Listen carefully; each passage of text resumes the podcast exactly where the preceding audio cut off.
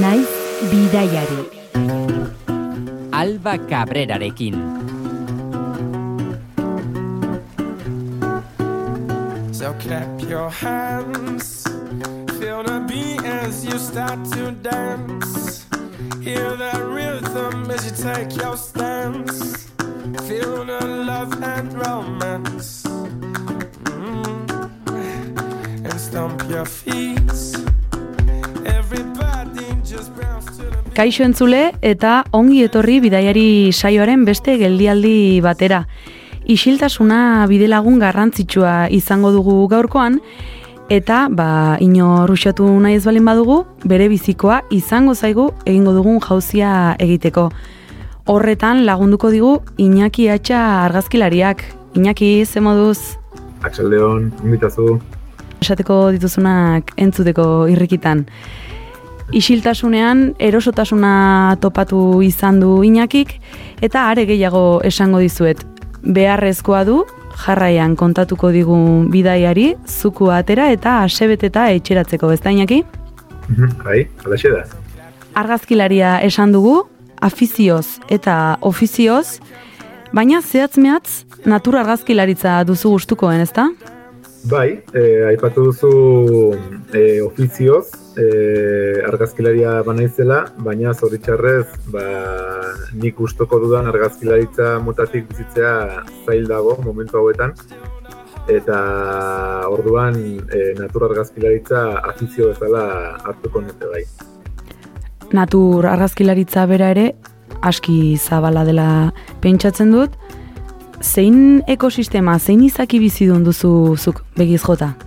Bai, e, bueno, niri batez ere animaliak, animali basatiak e, gustatzen zaizkit, e, egia da beraiek bizi diren inguruneko ba, paisaia eta ere saiatzen naizela isladatzen argazkietan, baina batez ere zentratzen naiz animali basatietan.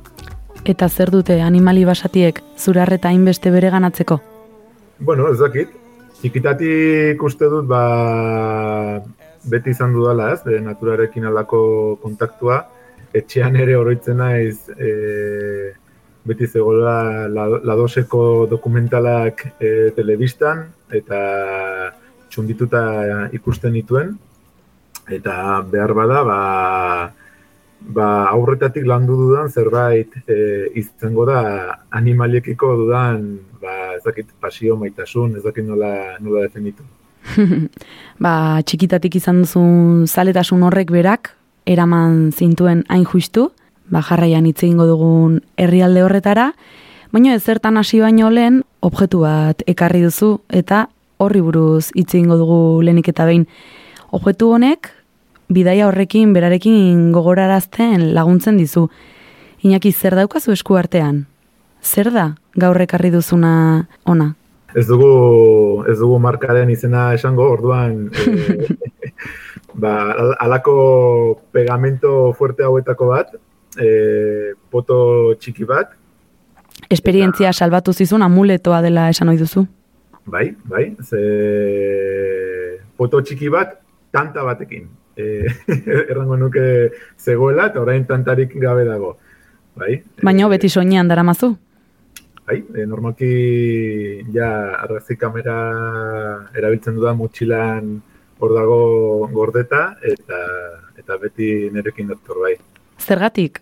Zuk aipatutako herrialde hortara e, egin nuen jauzi lehendabizikoz 2014 garren urtean, eta hanengoela argazkiak ateratzen, ba, e, beti saiatzen naiz eramaten bi kamera, pues, kameretako bat ondatu zen, hasiera batean ez nekien ze pasa zitzaion, e, objektiboa kendu nion, eta ikusi nuen, ba, e, kamerako ispilua, bueno, despegatu egin zela. Ai ba. E, bai, e, nengoen natura, naturan zibilizaziotik e, oso oso urrun, eta zorionez, ba, ba zeuden, e, uste dut, Italiako argazkilari batzuk zirela, hizkuntzarekin ez ginen moldatzen, baina gestua egin nien, erakutsi nien kamera, eta batek, ba... Ziztu e, bizian kola atera zuen. Kola foto hori atera zuen, baina bazuen bakarrik tanta bat, eta esan zuen horrekin nahikoa zela. Eta E, nahiko izan orduan, zen. Bai, bai, bai, e, berak konpondu zidan kamera, eta bidaia segitu izan duen, ba, bi kamarekin e, lanean. Arrezkero soinean daramazu, naiz eta gehiago ez duzun erabili ezta? Hori da, bai. Zure amuletoa gainean. Aipatu duzu zibilizaziotik urruti, urruti zinela. Nahiko une isolatuan, taigan, hain justu ere. Finlandiako taigan, bereziki kumo, kumo eskualdean edo eremuan, Errusiako mugatik gertu, eta aipatu duzun bezala, bai, zibilizaziotik oso oso urrun. Kamera eskuetan hartu, eta zergatik joan zinen Finlandiara, kumo eskualdera. Bueno, ba, leku horretan hartz arre desente bizi delakoz, eta beraiei argazkiak ateratzeko ba, kondizio onak daudelako. Jende askok kokatzen du mapan, erreztasun handiz Finlandia, baino guazen egoibelategi lankidaren laguntzarekin, ba, herrialde hotzonek kontatzeko dituenak entzutera. Naiz bidaiari.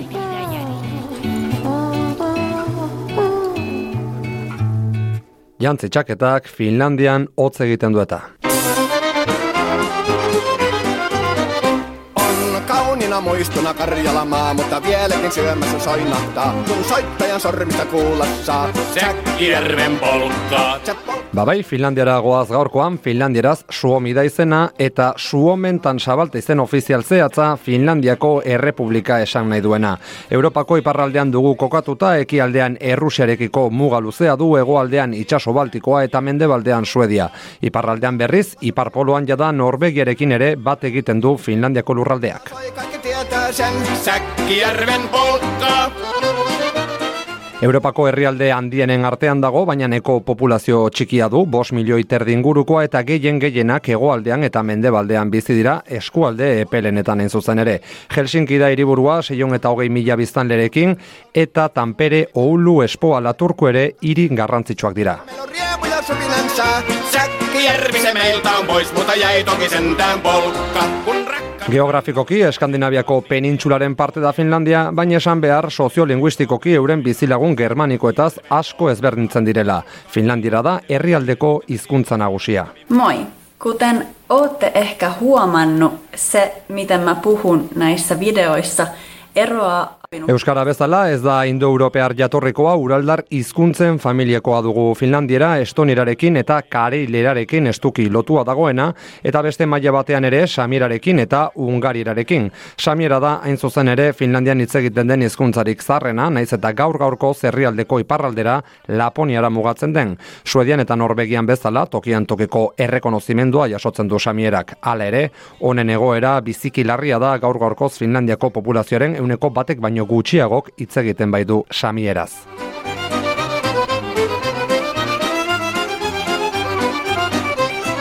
Eta Finlandiako euneko bosteko populazioaren ama hizkuntza suediera da eta estatu osoan koofiziala gainera hiri gehienen izenak bi hizkuntzetara itzulita daude Helsinki adibidez Helsingfors deitzen dute suedieraz eta turku abo. Suediar menpeko lurralde izateren ondorioz suediarrizun komunitate asko mantendu dira herrialdean Marien hartetan esaterako populazioaren gehiengoak hitz egiten du suedieraz.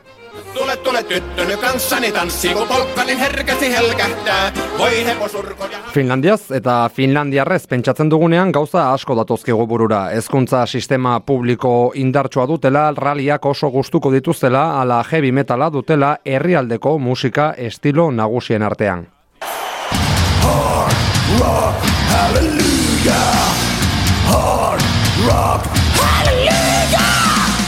Baina ezin ahaztu Finlandia parerik gabeko paradisu naturala dugula, taiga baso amaiezinak eta milaka intzira topa daitezke bertan, eta alako ekosistemek bizitoki ederra suposatzen dute gure gaurko beste protagonistarentzat. Artz bat entzun dugu, artz arrea zehazki Finlandian animali nazionaltzat dutena. Sami herriarentzat ere ikaragarrizko garrantzia du hartzak, pentsa isaiboi deitzen dutela, samieraz sakratua esan nahi duena.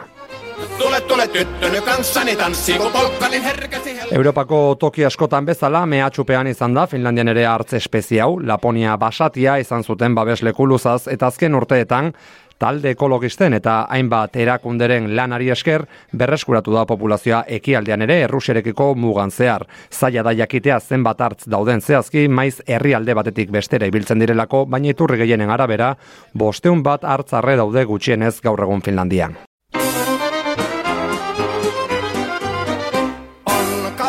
Muistona Karjalamaa, mutta vieläkin syömässä soinahtaa, kun soittajan sormista kuulassa. Egoiren hitzetatik azkar batean kokatu gara Finlandian eta hain justu amaieran aipatu duen Errusiako mugako zonaldean ibilio izarazu, ezta? Ta, Leno aipatu duzun kumo, kumo eskualdean. Bai, alaxe da. E, leku zoragarria da. E, naturaz inguraturik, e, zuaitzak, e, lakuak eta zure lankideak aipatu duen bezala, ba, hartz desente bizi da hor, eta bo, xe, e, horregatik e, joan izan naiz e, leku horretara hiru aldiz, ja, dagoeneko. 2000 eta amalauean, 2000 eta emezortzian eta 2000 eta hogeita batean. Bai, Hiru aldiz, eta urte guztietan, hartz arrearen atzetik joateko. Bai. Zerk du animalia horrek zure harreta hainbeste irakartzeko? Ba, egia erran ez dakit, baino, bueno, e, azteko edertasuna, ez? E, edertasuna eta lehenengo ikusi nuenetik, ba, ja izan zen alako fletxazo bat. eta, eta, bueno, da alako misteriotsua e, badirudi, ez? E, mamu bat e, oianean ibilki dela, eta, bai, ez dakit, e, ikeragarri polita da hartza aske ikustea. Mamu horren atzetik, ba ala alako mamurik hemen gurean, gure basoetan. Bai, bai, bai, e, badaude, e, behar bada ez, e, hartza bezain mamu handiak, baina, baina iratxoak bai badaudela. Bai. Eta hartzarreak, badaude. E, bueno, tarteka Nafarrako Pirineotan e, erraten dute, ez? E, hartz baten batek e, bisitatu ohi duela ez urte guziz, baina bai, bai momentu puntualetan, orduan e, erten alda, ba, gure Euskal Herriko lurretan, ba, oraindik hartza, hartza da, badagoela. Hartzorrek antzekotasunak alditu Finlandiakoarekin. Bai, berez, espezie berdina da, baino iparralderago bizi diren hartzak e, handiagoak dira. E, pentsatzen dut, ba, negu luzeari aurre egiteko e, aragi gehiago jaten dute hemengoek baino, orografia erean lau-laua da, hemen berriz ba, Pirineoak denek ezagutzen ditugu eta e, malkarroietan ibilioi dira gure Pirinetako hartzak. Orduan, ba, gauza horiengatik pentsatzen dut, ba, e, Finlandiako hartzak e, puskaz handiagoak direla hemengoak baino. Mugan, mugan izan oizara, hartzak joan etorrian eh, egoten dira, ez da? Batetik eta bestetik. Bai, e, gainera bertan lanean dauden biologoen arabera, e, erraten dute hartz, guk ikusi, ikusi izan ditugun hartzoiek, errusiarrak direla, Errusian lo egiten dutela eta gero elikatzera Finlandiako aldera pasatzen direla. Joan etorri horretan, ba ala beren ibilbidea oztopatzen duen mugarik, muga, muga fisikorik.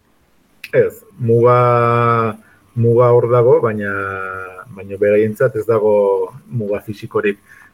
Egun metroka, berrun metroka edo zuaitz batzuetan alako plaka horitxo batzuk daudela muga zein den abisatzen, baina beraientzat ez dago muga fisikorik ez. Gehiago zuentzat behar bada. Bai, hoi da, bai, bai, bai. Zuek ara lanera joaten zaretenean, adi egon behar zarete, zuaitz horiei begira? Bai, ja, lehen biziko 2008ko bidaitik biologoek abisatu gintuzten zuaitz horiek inoiz ez pasatzeko, ez da genuen e, Errusiako armadarekin arazorik izan nahi, eta, eta bueno, e, egia da e, badela non ibili e, muga hori pasatu gabe, eta ikusi bai ikusi izan dugula urtero, baina ikusterakoan buelta eman eta bertze leku batera tira. Eskualdea, eta hain juistuzuk bisitatu ohi duzun zonalde hori, esan dugu gizakitik urrun dagoela. Nola egiten duzu ara joateko? Zein da hemen Euskal Herretik hasten duzun bidaia, ana maitzeko? Ez garen ez aberatsak, normalki Barcelona edo Madriletik hartzen ditugu hegaldiak, merke, merkeenak hor daudelako, bidaia hemendik alaxe abiatzen dugu, Madrid edo, edo Barcelona bezalako hiri handietara, gero tokatutzen zaigu tarteka eskalaren bat edo egitea, eta, eta bueno, beti eh, Helsinkira. Mhm. Gero Helsinkin bai edo bai eskala egiten da, eta hor ja hartzen dugu alako hegazkin txiki bat, e, elize duen hegazkin hauetako bat, eta eta hor ja hurbiltzen gara Kajani irira. Kajanin biologoak egoten dira gure zain, furgonetarekin, ba, ekipajea eta furgonetara montatu, eta Taiga barrura. Bai, bi ordu, bi ordu terdiko bidaia egiten dugu taigan zehar, ba, bertaraino iritsi arte. Bidea ere ederra da. Zoragarria, bai, bai, bai. Oiana, errato guztian, lakutxoekin, eta bai, zoragarria. Zenbat egunetako egonaldia egiten duzu? Ba, normalki bederatzi, zortzi bederatzi egun edo, bai. Depende egaldiak nola, nola lotu eta historio, bai. Aste bete pasatxo, bai. Astebete hori, non pasatzen duzu? Alegia, nun egiten duzu lo? Bueno, egunero jarduna berdina da, atxaldeko lauetan gordelekuan sartzen gara, eta debekatuta dugu gordelekutik ateratzea biharamun goizeko zortzirak arte. E, gau guztia gordelekuan ematen dugu. Eta gainerakoa? Eta gainerakoa, ba, e, bueno, e, motxilak eta alako demagun base, base batean ditugula, hor e, gelatxo bat dugu, e, komunarekin, dutxarekin, e, hor ere janaria prestatzen digute, orduan goizetan gordelekutik atera e, horra abiatzen gara, e, nik normalki kamera, kameretako kam, e, bateriak kargatzen jartzen ditut, e, tarjetak ordenagailura ustutzen, e, gosaldu, eta e, martxa egiten dut ba, e, oianetako leku ezberdinak ba, ikustera. Pasiatzera, Bai, bai. kamarari gabe. Bai, edo, bueno, e, edo kamara baina objetibo txikiarekin, ja igual paisajea egiteko, edo edo dronarekin, edo, bueno, ja, baina ez e, tramankulu guztiekin. Harin-harin, ba, paseatuz, e, gordelekuan ordu pila ematen ditugu, e, gordeleku batzutan ezin gara xutik ere e, ez gara xutik ere kabitzen, orduan ba, gorputzak eskatzen du halako paseoak egitea. Argazkilari asko erakartzen aldituen espazioa da, kumo eskualdea. Bai, errango nuke mundu guztitik etortzen direla argazkilariak eta baita e, dokumentalak grabatzen dituzten bideografoak ba, e, bertako gordelekuetara hartzarren bila. Zenbat gordeleku daude? Zehatz mehat ez nuke jakingo erraten, baina hogeita bos bat inguru bai. Lau ere mutan banandurik, hogeita bos bat gordeleku. Zuk horiek denak edo behintzat lau eremuak zapaldu dituzu? Bai, e, lau ere muetan egon izan naiz argazkiak e, ateratzen. Hiru eremu nahiko antzekoak dira, e, alako lakutxo batekin eta belar, belardi bat aurrekaldean, e, oian ez inguraturik, eta e, laugarren eremua oian barruan da, eta bueno, niretako behar bada, ba, politena. Gordeleku batetik bestera joateko, nola, nola egiten duzu? Garraioa behar da, edota, edota oinez moldatzen altzara? Bai, e, nahi eta nahi ez oinez joan barra da, ez dagolako biderik, e, alako xenda batzuk daude eginak ba, urten poderioz ba, hortik e, argazkilariak pasatzen direlako. Orduan, ba, xenda hoien bidez, lehen biziko ere mura, ez dakit, ba, bat minutuz edo irits zaitezke, eta urrunen dagoen ere mura, hogeita bost bat minutuz edo horrela. Oian basatia izan da, ez ustekorik izan alduzu, batetik besterako bidean. Bai, lehendabiziko bi bideetan ez nuen ez ustekorik izan, baina azken honetan, uste dut, bigarren egunean edo zela, e, gordelekura iristear geundela e, bazegoen hartz bat kanpoko aldean, ez genuen inondik inora espero. Eta berak guainako susto hartu zuen, geritu ginen ez genekila zer egin, e, e, genera matzan teoria guztia ongi kasita, baina gero... Momentuan bati aztu egiten zaizkio. Bai, bai, bai, momentua izan zen eko guf. Eta gainera hartza hasi zen gugana laisterka, baina bueno, ohartu ginen e, bide sendak hola agintzen ziolako, ze bere ala ja kurba hartu eta oianean ba, ezkutatu zen. Eskerrak. Bai, segundu, segundu batzuk izan ziren nahiko, nahiko tentsoak. Ondoren zer egin zenuten? Ba, zuzenean gordelekura... Korrika. Eta, ate ongi itxi. Eta biharamuneko zazpiak arte esan duzu. Be, biaramuneko, bai, zazpiak edo zortzi, zortziak uste dutzela, bai. Zortziak arte bertan egon Hori da, bai. atera gabe. Anekdotez ari garela, asko eta asko izango dituzu buruan, baina nik taigako baretasun horretan sartu aurretik, zehaz mehatz horietako bat kontatzea nahi dut. Eta ona hemen pistatxo bat inaki.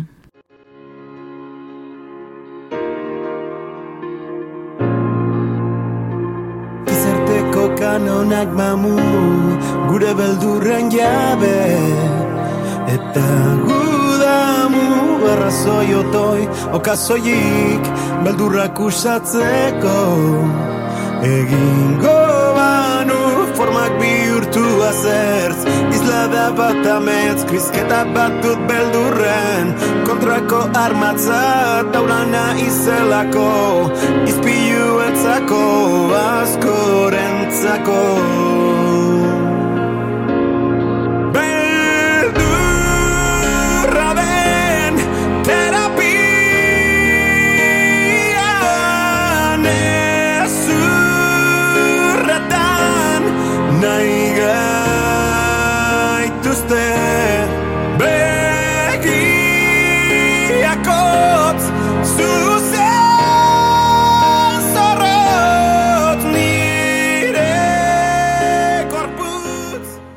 Iñaki, kanta bat aukeratzeko eskatu, eta bi aldiz pentsatu gabe gobernorsen ezurren kultura abestia bidali didazu.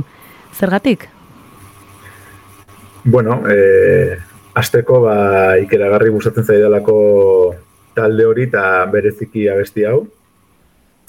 Eta eh, 2018ko bidaian ba, bila entzuten nuen eh, talde hau. Eta hor nindoan egaldian, eh, ba, bidaiareko, bidaiko neke guztiarekin, eh, kaskoak patu eta hasi nintzen musika entzuten.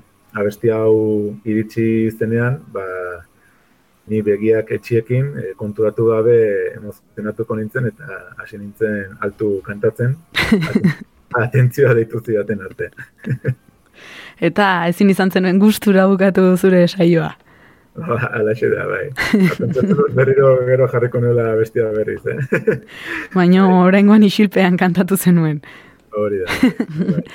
Urteko sasoi jakin batean joaten altzara, ba, z- hegazkinean karaoke sesio egin eta ondoren argazkiak ateratzera. Ba, lehen aldiz joan nintzenean, e, ekaina aukeratu nuen, hogeita lau orduz argi dagoelako garai, garai horretan e, Finlandia, orduan ba, argazkiak ateratzeko posibilitatea handiagoak dituzu. E, gau guztian altzara ibili argazkiak ateratzen. Baina,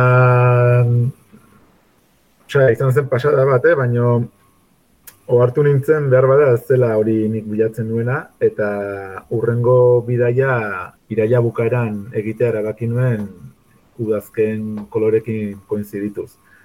Eta hori bai izan zela pasada bat, e, koloreak zeuden ikeragarri politak, e, hotza, hotz handia egiten duia garai horretan, e, hartzak ere janari bila arras aktibo daude, orduan 2008 batean berriz e, fetxa berdina errepikatzea, errepikatzea erabaki nuen. Sasoi bakoitzak bere argilunak ditu, baino balantzan jarrita Dudari gabe udazkenarekin. Udazkenarekin. Udazkenean, taiga bioma basatian, aste betez. Zein bereizgerri ditu ingurune horrek? Taiga Errusiarretik heldu den hitz bat da, eh, erran nahi du oian zingiratsua, hemen zoikaztegi bezala ezagutzen duguna, orduan, ba, irudikatu zuaitz oso zaharrak, vegetazio pila batekin, irailean dena okre koloreak al, alde guztietan, e, zoru guztia arandanoz beterik, e, lakutxoak eta lakutxoak eta oiana lotzen duten espazioa belardiz, belardiz beteta, e, ez dakit, hola, hola da taiga.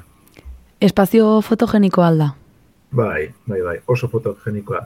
Hor, e, behar bada arazo baten dago e, paisaje paisajea ongi isladatzeko argazkietan, e, aizten aipatu dudan bezala, taiga oso laua da.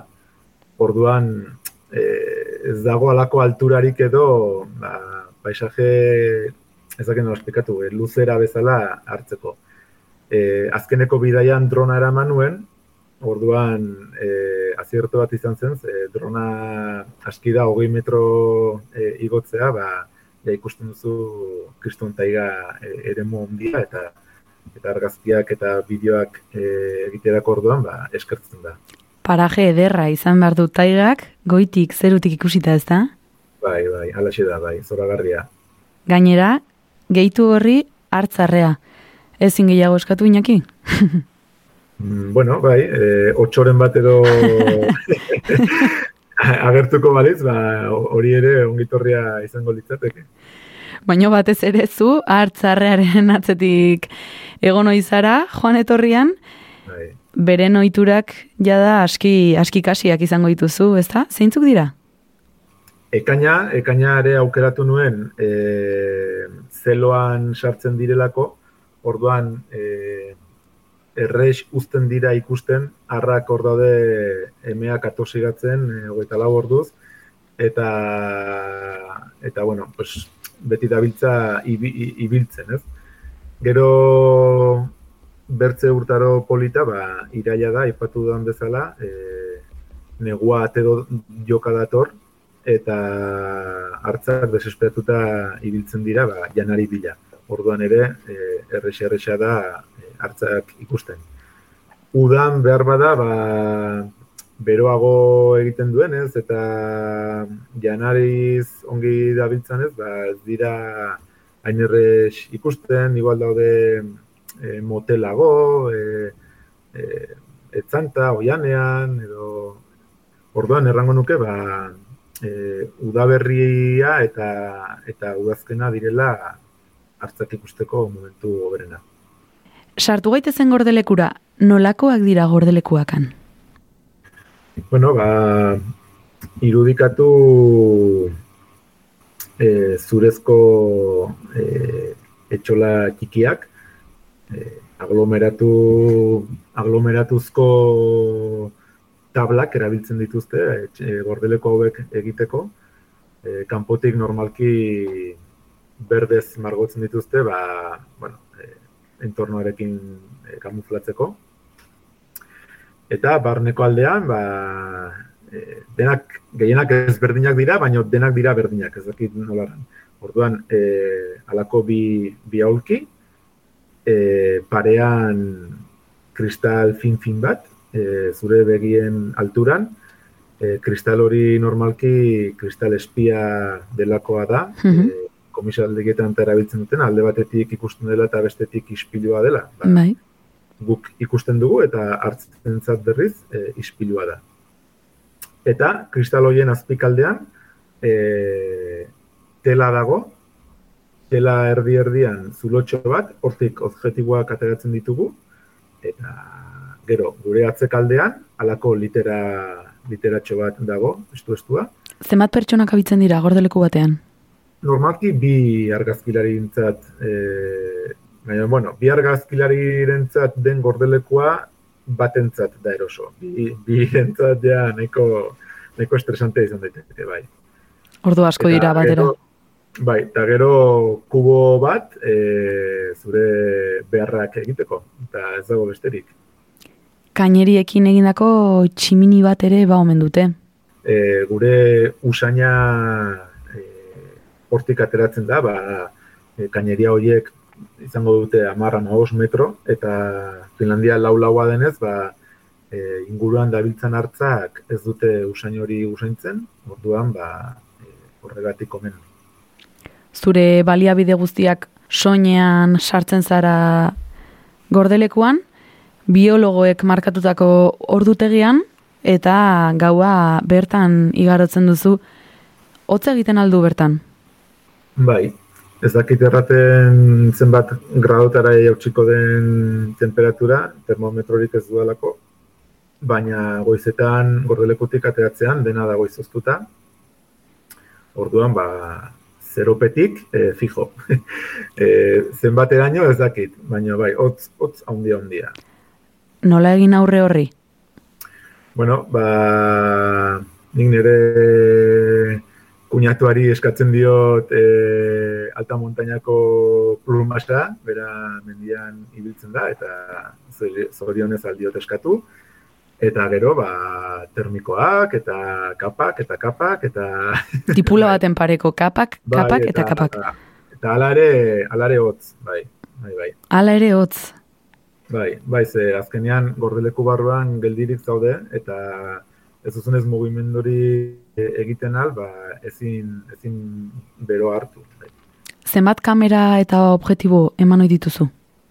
Ani normalki azken urtetan simplifikatu izan dut, eta bi kamera, bat e, teleobjektibo batekin, eta bertzea gran, gran angular batekin, eta horrekin ederkin moldatzen naiz. Zein distantziatan egon ohi dira hartzak gordelekutik?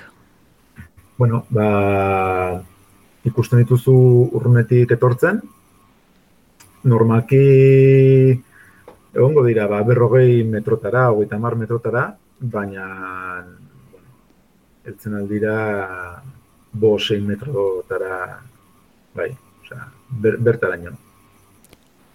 Eta hori gertatzen denean, asko gerturatzen direnean, isiltasuna garrantzitsua alda hor. Bai, bai, bai, bueno, orduan eta momentu oro, eh? E, azkenean, e, hartzek usaimena dute erabat garatua, baina entzumena ere fin-fina dute, orduan, ba, isiltasunean egotea derrigorrezkoa da ikusi nahi baldin badituzu. Isiltasun hori bermatze aldera beraz, nola nahiago egon, bakarrik edo, edo konpainian? Bueno, ba, erango nizuke biek ba dutela bere alde on eta txarra. E, batetik pentsa txaldeko zazpiterako ja iluntzen duela, orduan e, biharamun goizeko zortziak arte ordu pila daude bakarrik egoteko, hor konpainia eskertzen da. Batez ere ba, zerbait afaltzen duzun momentuan, edo gero e, jugadak e, e, konpartitzeko, eta hola, baina egia da, bakarrik egote horrek ere e, ematen dizula lako, eske ez dakit nola, nola esplikatu, baina alako e, konexioa zu eta hartzarekin, ez? E, badirudi zu bakarrik zaudela oianean berarekin, eta bai, e, alako konexio bat sortzen da. Zenbat argazki atera dituzu horrela egun batean?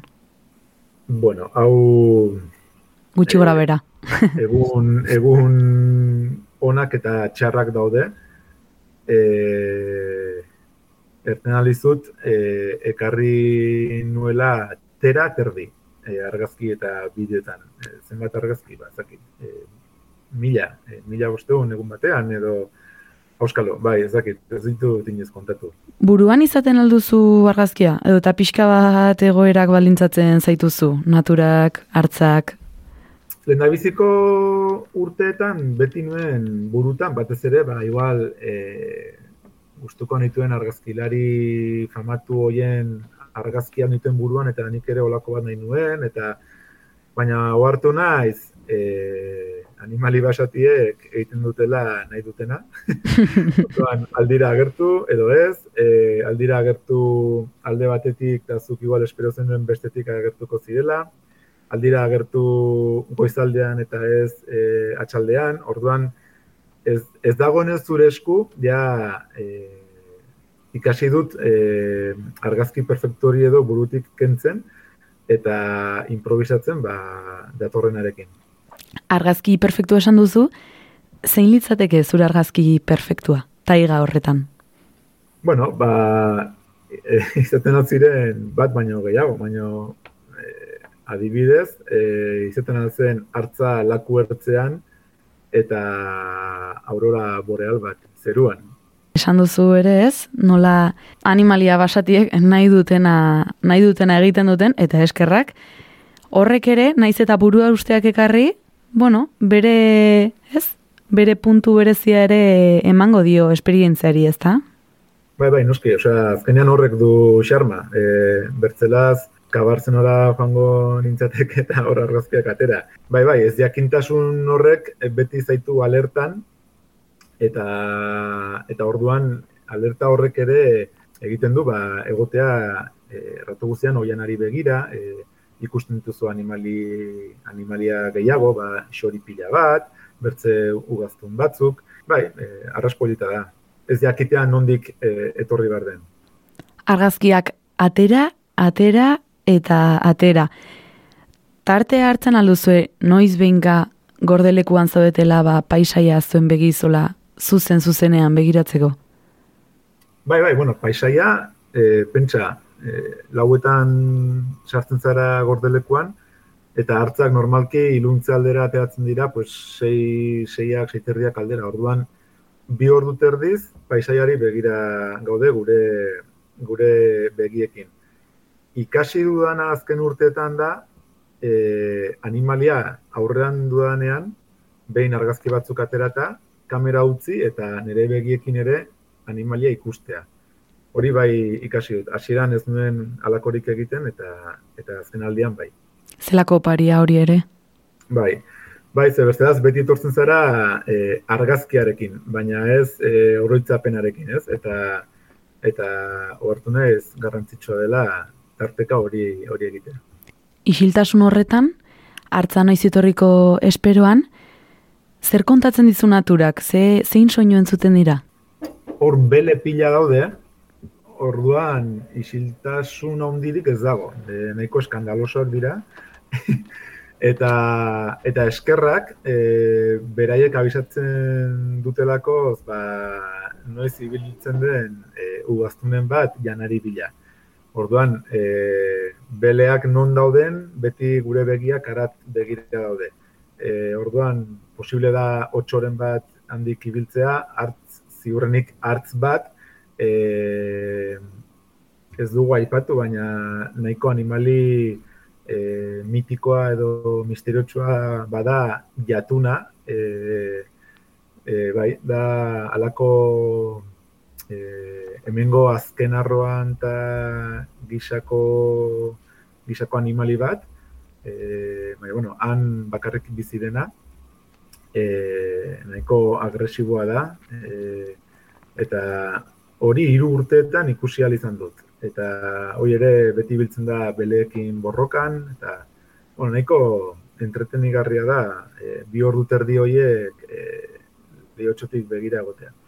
Otxoa, hartza, jatuna, beleak, ez dakit, barruan ezer diferentea pizten aldizu batari edo eta besteari argazkia atera? E, bai, bai ez zerrango natzun. E, ni beti hartzen bila joan naiz, Finlandiara, baina 2018an e, otso bat izan nuen e, nire begin aurrean, eta igual espero ez nuenez izan zen pasada bat, e, eta bere begiradak e, hartzarenak ematen ez didan zerbait eman zidan. Orduan, ba, hartzak ikeragarri gustatzen zaizkit, baino otxoaren begirada pasada bat izan zen. Ariketa zaila alda, ba, ikuspuntu teknikotik hartzarreari fotografia ateratzea? Ez, eh, ez ekipo ona eramaten baduzu. Eh, aipatu dudan bezala, hartzak iluntzean ateratzen dira, eta hor sartzen da ekipo ona eramatearena, ba, argi nahiko eskaxarekin ateratzen ditugu argazkiak, orduan ba, e, isoa goratu beharra dago eta eta ez da berdina ba, ekipo kaskar bat eraman edo gaur egungo ekipo profesional bat e, hoi hobetuz e, joan dira eta eta alortatik ekipoak laguntzen du. Eta gero ba, argazkilariaren lana e, hor ja e, alde artistikoa, ba, komposizioan bakotxak bere estiloa du edo baina zailtasunik ez du. Hartza normalki astiro astiro ibiltzen da eta agertzen denean baduzu hastia ba argazkiak ateratzeko. Eta zer gertatzen da argazkia ateratzen ari zarela jabetzen denean hartza? Berez ez da jabetzen gu hor gaudela. E, egia da obturadorea entzuten duela eta orduan tak e, kamerari begiratzen diola, ba hortxe dago argazkia. Lehenengo argazkiak ez du balio, bigarrenak balio du, ez? Kamarari begiratzen dionean. Hori da, bai. E, bueno, hori baldin bada, bilatze, bilatu nahi duzun argazkia, baino e, normalki hor aprobetsatzen dugu, eta tak gelitzen dira ba, gordelekura begira, eta, eta hortxe begiak guri, guri begira daudela dirudi. Familiarizatuta daude gordelekuekin? Bai, biologo hauek mm, errango nuke goita bost urtetik gora daramatzatela hor gordelekoekin lanean, hasiera batean gordeleku bat zuten, beraiek, e, beraien estudioak egiteko, ohartu ziren, e, hasi zirela garai hartan dokumentalak eta grabatzeko bideografoak hurbiltzen, nik uste dut hor ikusi zutela diruiturri potente bat, eta hor guztik, ba, beraien lanaz aparte, e, ekartzen dituzte mundu guztitik argazkilari eta bideografoak ba, bertako gordelekoetara. Orduan, ba, goita bos urte luza hauetan hartzak e, obturadorearen soinuarekin behintzat e, oituak daude. Hala ere, pentsatzen dut, alik eta modu isilenean egingo duzuela argazkia. Bai. E, oialezko horma antzekoa duzuela aipatu duzu, bertatik ateratzen da kamararen objetiboa, zein kolore hartzen dute zuen objektiboek taigara joaten zaretenean? Objektiboak babesteko alako neoprenozko fundatxo bat edo e, jartzen diogu. E, beti ere, ba, noizbait saldu nahi badi duzu, ba, e, golperik ez izateko, edo ez kaskarilla ez kentzeko, edo e, fundatxo hauek e, kolore guztietan daude, baina bueno, guk neko friki xamarrak garen ba, e, alako kamuflat, kamuflajezko koloreak aukeratzen ditugu gure objektiboak apaintzeko. Mugimenduak kamararekin batera eta bestera egiten dituzuenean nolakoak dira? Motel, motel, motel, motel. Bai, bai ze azkarra egiten baituzu e, aurrean dagoen animalia bizitu alda eta eta ospa egin. Orduan e, ez duzu ez argazkik, ez ez ezer. Horregatik konzentrazio handia behar alda hartzak animaliak gerturatzen direnean gordelekura, edo bueno, gordelekuan zaudeten egonaldiko tarte horretan. Bai, e, minimo horiek bete behar dituzun nahi baduzu argazkia aseguratu. Orduan, konzentrazio minimo, minimo bat izatea bai, bai eskatzen du. E, hala ere, e, zaudean, e, joan zara urtara, e, beraz, zaude konzentratua erabat horretan, bai, bai. Esperientzia intentsua, zortzi oh. bederatzi egunekoa. Hori da, bai, bai. Emozio pilak eta horri, eustea, erronka, erronkatxua da? Ba, bai. E, batez ere, orain naita naizenetik, azkenean egunak pasatzen dira, eta ni han e, nire lekuan nago, edo gustora nago, e, nik nahi dudana egiten, baina etxekoak ere faltan botatzen dituzu, orduan hor Eh, egun batzuk pasatzen direnean falta hori somatzen hasten zara, baina gero ere iristen da etxera etortzeko ordua eta ez duzu handik alde egin nahi, orduan hor e, alako, bueno, e, sentimentu kontrajarriak badaude, bai, bai, bai. Denbora guztian norbait edo zerbait falta motatzen. Lehenengo gunean batzuk, azken egunean beste beste batzuk. Era, bai, alaxe da, bai. Eguneko milaka argazki ateratzen dituzula esan didazulen, edizio lana ere bidaia ederra izango da. Bai, baina aipatu dizut, eh? E, goizetan joaten gara basera eta eta beti deskargatzen ditut argazki guztiak eta gero berriz gordelekura itzuli aurretik, ba, ordutxo bat edo dedikatzen diot dena e, ordenatze, ordenatzea txukun txukun. Orduan, etxera ja txikolan horiek eginda etortzen naiz. Horrek lana aurrezten dizu. Bai, bai, bai, bai, pila bat. Bai, bai, batez ere beti metodologia berdina erabiltzen dut, orduan bueno, nahiko oituratua nagola lana egitea, eta niri etzait neketsua egiten. Hori ere gustagarria egiten zaizu, bueno, hori ere bada abantaia. Bai, bai, bai, bai. Inoiz gertatu altzaizu ara joan eta hartzarekin topo ez egin. E, bai, bai, bai. Lehen biziko urtean, lehen biziko egunean ez nuen hartzek ikusi. 2018an egunero ikusi nuen hartza, eta iaz, e, lehen biziko hiru egunetan hartza ikusi nuen, baino ia, ia, ilunuta zegoenean, eta ez, ezin izan nuen argazkirik atera, orduan laugarren egunetik hasi nintzen e, argazkiak ateratzen. Pasan nituen hiru egun argazkirik atera gabe, bai. Frustrazioa eragiten du horrek? Ez, e, jokoaren parte da. E, badakit hola dela eta zailtasun horrek ere uste dut gero ba, esperientziari eta argazkia argazkiari berari ba, balorea eranzten diola, ez? Gainera bestela paiseak ere paraje ederra uzten dizu argazkietarako, ezta? Bai, eta momentu horiek igual e, aprobetsatzen ditut e, bideo rekurtsoak e, grabatzeko eta bai, aspertu ez naiz aspertzen. Bizipena zukutzen duzu amaieraraino ikusten dugunagatik. Hori da, bai, bai. Aukeratutako argazkiek zein bizi itxaropen dute, zein, zein etorkizun, zer egiten duzu horiekin? Bueno, eh, erresina nire sare sozialetan eskegi, ba, jendeari erakusteko, jendeak ikusteko, jendeak maitatzeko eta kontzientzia hartzeko, e, alako eremu naturalak behar ditugula.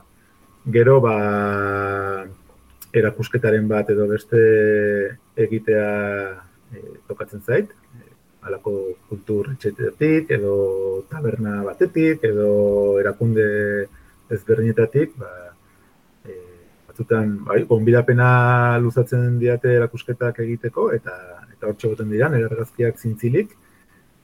Eta azkenik, ba, nik hogeita hiru urte daramatzat ere telebistan lanean, orduan, e, beti etortzen ez alako e, dokumental formako, ez, audiovisual batekin, eta hori ere saiatzen ez, ba, e, kultur etxetan e, zabaltzen. Zure esposizio batek sortutako jakin minari tiraka, zer gomendatuko zenioke Finlandiara zurantzeko esperientzia bizitzera joan nahi duen norbaiti? Bueno, ba, azteko igual nirekin harremanetan jartzeko. e, nik aski gustora pasa izan zaidalako, eh? E, hau, nik aski gustora dakidana edo dituen dudak argituko nizkioke, e, alden neurrian noski. Eta bestetik, ba, eramatea e, tarjeta pila bat argazkiak ateratzeko eta bateriak. Eta plumiferoa? Eta plumiferoa noski. eta saiatu dadila e, hemengoaz e, anzten, relajatzen eta eta taigarekin konektatzen. Txamponaren bestaldean, zer etzenioke gomendatuko? Behar bada udaberri udan ez joatea.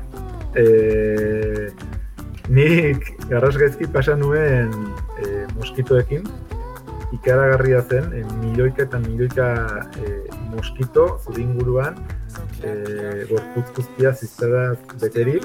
Berriz, garai hortan itzuliko banintz, ikasi nuen bertako jendea nola ibiltzen denan, eta da, alako e, demagun hemengo erlezainek erabiltzen duten e, sare hori arpegia estaltzeko, Mhm.